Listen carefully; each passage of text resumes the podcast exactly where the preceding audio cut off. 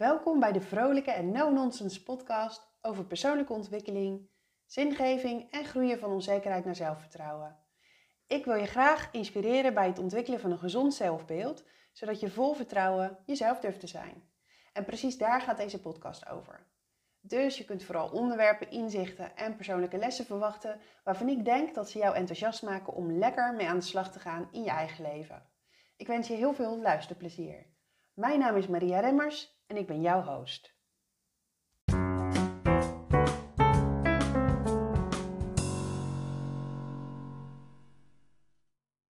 Vandaag in de podcast wil ik het met je hebben over dingen die jij doet waardoor je onzeker blijft. Nou, dat klinkt misschien een beetje onaardig, maar er zijn bepaalde gewoontes die jij hebt die er misschien wel voor zorgen dat jij onzekerder blijft dan nodig is. En daar wil ik je graag bewust van maken in deze podcast. Omdat ik geloof dat als je weet, hé, hey, dit doe ik, dat je er dan wat aan kunt doen. Waar heb ik het over als ik het heb over gewoontes? Gewoontes zijn dingen die je doet zonder erbij na te denken.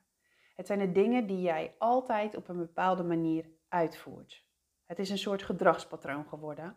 En zonder dat je er misschien bij stilstaat, hangt je dag aan elkaar van gewoontes we hebben allemaal zo onze eigen voorkeuren en, en bepaalde gewoontes uh, als het gaat over de manier waarop wij het allerliefste dingen doen. Denk maar aan de manier waarop je je tanden poetst of hoe jij je dag het allerliefste start.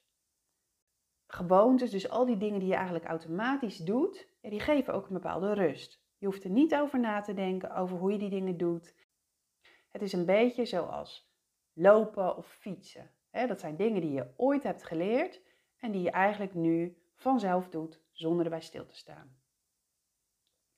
Nou, ons onbewuste gedrag wordt eigenlijk door de jaren heen gevormd. En dat uitzicht dus in bepaalde gewoontes. En veel van onze gewoontes ehm, kun je eigenlijk vergelijken met de automatische piloot. En dat is super handig voor ons brein, want nadenken over dingen, ja, dat kost ons heel veel energie. Dus alles wat geautomatiseerd kan worden, is heel mooi meegenomen. Dat is de mooie kant van gewoontes. Maar dat automatisme van ons gedrag, dat heeft ook een keerzijde. We hebben namelijk allemaal wel een paar dingen, één of meer dingen die we het allerliefste anders zouden willen doen. Alleen het doorbreken van gewoontes is nogal lastig. Hè, misschien ehm, heb jij wel als gewoonte dat je eigenlijk altijd wel ja zegt, als mensen je iets vragen zonder er eigenlijk over na te denken, terwijl je liever nee zou willen zeggen. Of misschien vergelijk jij jezelf steeds met anderen. Of heb je voor je het weet al een zak drop leeg gegeten. Onbewust gedrag gaat dus over dingen doen zonder dat jij je daarvan bewust bent, zonder dat je er bewust over hebt nagedacht. Het is dus goed om te weten dat je wel invloed hebt op je gewoontes. Maar dat begint dus bij bewustwording. Bij nadenken over wat wil ik dan wel, in plaats van de gewoonte die ik nu heb. Want het is best wel een uitdaging natuurlijk om je vaste en hardnekkige uh, ja, patronen te doorbreken, maar het kan wel. Als het gaat om onzekerheid is daar ook nog een heleboel winst te behalen in onze gewoontes. Denk maar eens na over wanneer voel ik me nou eigenlijk het meest onzeker? Misschien kom je er dan wel achter dat het in jouw geval te maken heeft met bepaalde gewoontes die jij jezelf hebt aangeleerd. Bijvoorbeeld jezelf afbranden als je iets niet helemaal goed hebt gedaan. Of please gedrag laten zien.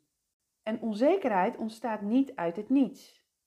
Daarom is het belangrijk dat je je bewust wordt van de gewoontes die jou onzekerder maken dan dat nodig is.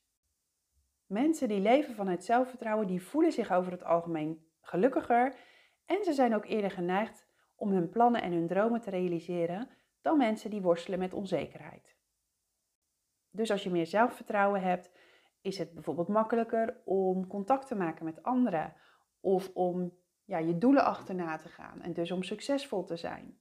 Dat wil helemaal niet zeggen dat mensen die hè, op het oog vol met zelfvertrouwen zitten nooit onzeker zijn. Alleen in heel veel gevallen zijn zij in staat om hun onzekerheid om te zetten in zelfvertrouwen. En wat ze doen, is dat ze daarvoor bewust of onbewust gewoontes inzetten die hen helpen om minder onzeker te zijn. En je kunt je voorstellen als dat onbewust gebeurt, ja, dan hebben ze het zelf ook niet in de gaten en zijn ze dus uh, op dat moment gewoon vol met zelfvertrouwen. Maar op het moment dat zij onzeker zijn, kunnen zij dus heel bewust een bepaalde gewoonte inzetten die hen helpt om weer terug te gaan naar dat zelfvertrouwen. Nou, en dat is natuurlijk heel goed nieuws, want dat betekent dat je je zelfvertrouwen kunt ontwikkelen. Weinig zelfvertrouwen is heel vaak een gevolg van een negatief zelfbeeld, maar daar kun je iets aan doen. Dat vraagt dus wel om het doorbreken van bepaalde patronen en bepaalde gewoontes. En dat kost tijd en energie en doorzettingsvermogen en de hele mikmak. Maar het helpt je wel als je al precies weet welke gewoontes wil ik nou gaan doorbreken. Als jij aan de slag wilt gaan met je onzekerheid, is het dus heel handig als jij helder krijgt: hey, welke gewoontes heb ik nou die mij in de weg staan richting meer zelfvertrouwen? Daarom wil ik een aantal valkuilen en gewoontes met je delen. Ehm, en wie weet herken jij er wel één of misschien wel meer. Doe er dan je voordeel mee. De eerste.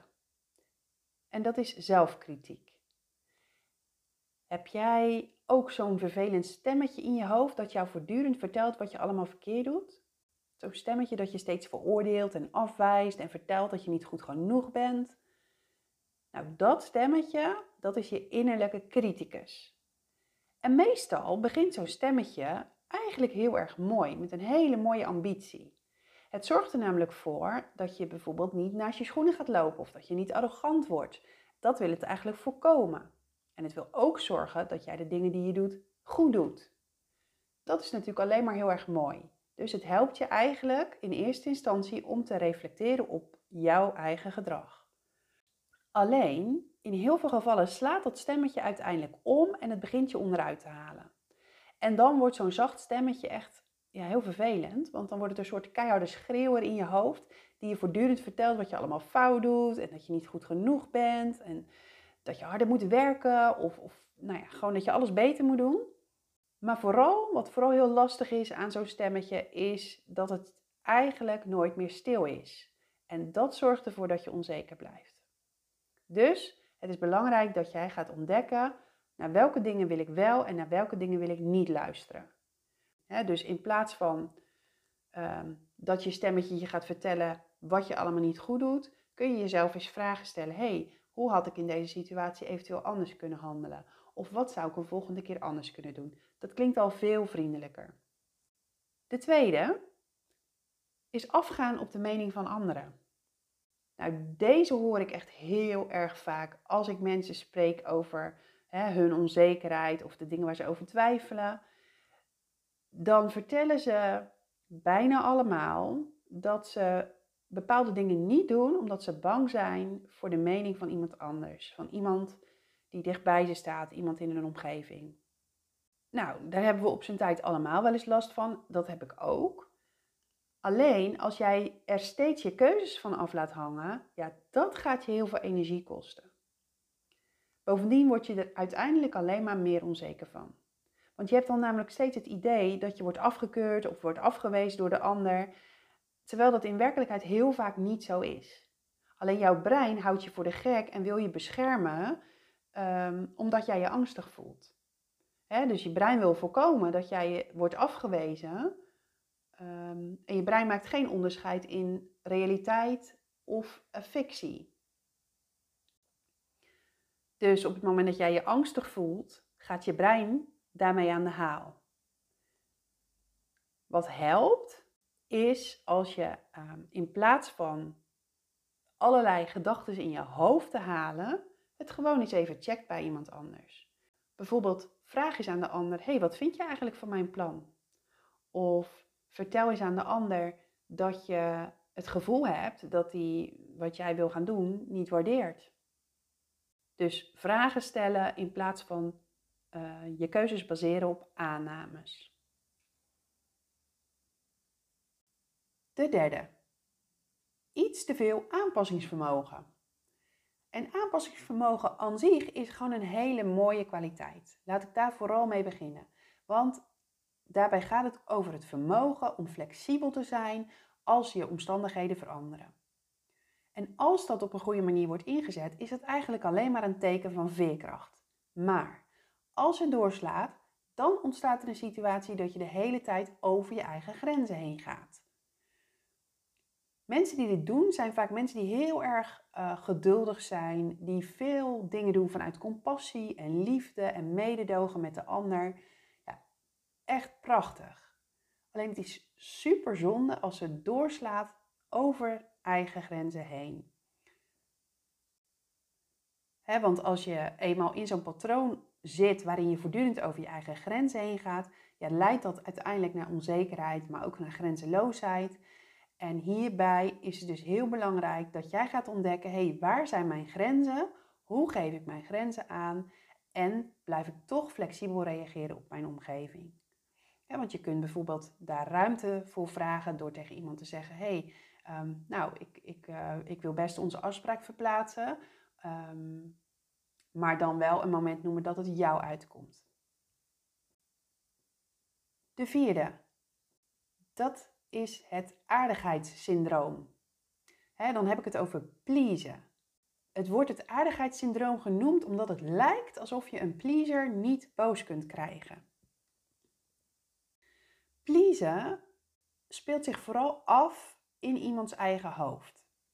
Het heeft alles te maken met, met een gevoel van minderwaardigheid. Dat is namelijk, bewust of onbewust, heel vaak de motivatie achter please gedrag om maar zoveel mogelijk het idee te hebben om aardig gevonden te worden, ja, gaat iemand please gedrag laten zien. En die gaat er alles voor doen om ervoor te zorgen dat de ander ja, jou ook echt aardig vindt. Maar uiteindelijk leidt dat natuurlijk alleen maar naar meer onzekerheid en bevestig je eigenlijk je gevoel van minderwaardigheid door nooit je grenzen aan te geven. En please kent heel veel verschillende uitingsvormen. Uh, hè, denk aan conflict vermijden, uh, altijd aardig zijn, de hele tijd jezelf verontschuldigen. Maar pleasen is echt een gewoonte die ervoor zorgt dat jij onzeker blijft. Wees je er dus van bewust als jij dat doet. De vijfde gewoonte is jezelf willen bewijzen. Dat komt namelijk ook heel vaak voort uit onzekerheid over jezelf. Je gelooft dan namelijk dat je pas wat waard bent of dat je goed genoeg bent als je dat kunt bewijzen aan de hand van je prestaties. Nou kan bewijsdrang zich richten op de ander, hè, dat je aan een ander wil laten zien dat je goed genoeg bent. Maar het kan ook op jezelf gericht zijn. Dat je zegt, ja, maar als ik dit of dat kan, dan ben ik pas goed genoeg. En dus in dat laatste geval geef je jezelf dan pas toestemming om ja, oké te zijn met jezelf. Het gekke is natuurlijk dat bewijsdrang heel vaak een averechts effect heeft. Je bent heel hard aan het werken om te laten zien dat je genoeg bent en dat je goed genoeg bent. Alleen er zitten natuurlijk een heleboel valkuilen in. Want wat als jij je doel niet haalt? Ben je dan niet goed genoeg? Of ehm, heb je je doel behaald en zie je alweer een nieuw doel? Dus wees je ervan bewust dat als je deze gewoonte inzet, dat het uh, aan de ene kant natuurlijk helpend kan zijn. Hè? Dat je als je bevestiging krijgt van jezelf of van iemand anders, dat dat je zelfvertrouwen bouwt, maar dat er een heleboel addertjes onder het gras zitten en dat in heel veel gevallen dit juist leidt tot meer onzekerheid. De gewoontes die ik met je deelde, die kunnen je dus in de weg staan om met meer zelfvertrouwen te leven. Maar wat ga je er dan mee doen? Hè? Ga je nu heel hard werken om ze af te leren of leg je juist je focus op het aanleren van andere en nieuwe vaardigheden? Het is je misschien opgevallen dat al die gewoontes ook hele mooie kanten hebben. Uiteindelijk gaat het dus om balans vinden en niet doorslaan in wat in eerste instantie eigenlijk heel goed is. Daarom geloof ik dat het goed is om je te richten op wat er al is, wat goed is, om dat verder te ontwikkelen, in plaats van iets gaan afleren. Want iets aanleren kost moeite, natuurlijk, maar iets afleren kost nog veel meer moeite. Bekijk het ontwikkelen van zelfvertrouwen maar als het leren lezen. Je leest niet in één keer een hoogstaand stuk literatuur. Ook niet als je dat heel graag zou willen. Dan nee, hè, je begint met ploeteren op het alfabet en vervolgens ga je richting Jip en Janneke taal en pas veel later kun je stevige kost lezen als je dat zou willen. En dan zit er ook nog eens een verschil tussen zachtjes voor jezelf lezen en hardop voor een klas lezen. Dat voelt weer heel anders. Dus je, vraagt je af, kan ik dit wel? En wat als het niet lukt? En leer ik dit ooit echt? En nou ja, als je namelijk voor de klas gaat lezen, ja, dan, dan voelt het veel groter als dat je voor jezelf gaat lezen. Alleen elke keer dat je het probeert, word je er toch weer iets beter in. En dan komt er een moment dat je je nauwelijks nog kunt voorstellen dat je ooit niet kon lezen. Zo werkt het ook met het aanleren van nieuwe gewoontes. Dus ze kosten eerst superveel moeite, want je moet jezelf steeds motiveren om bepaald gedrag te laten zien. Je moet je ervan bewust blijven en het voelt allemaal ongemakkelijk. Maar uiteindelijk wordt dat nieuwe gedrag ook weer een gewoonte. En als dat dan een gewoonte is die je wel dient, in plaats van dat het je onzeker maakt, ja, dan heb je gewoon een hele mooie stap gezet. En dat is de reden dat ik dit met je wilde delen vandaag. Ik hoop dat je er wat aan hebt.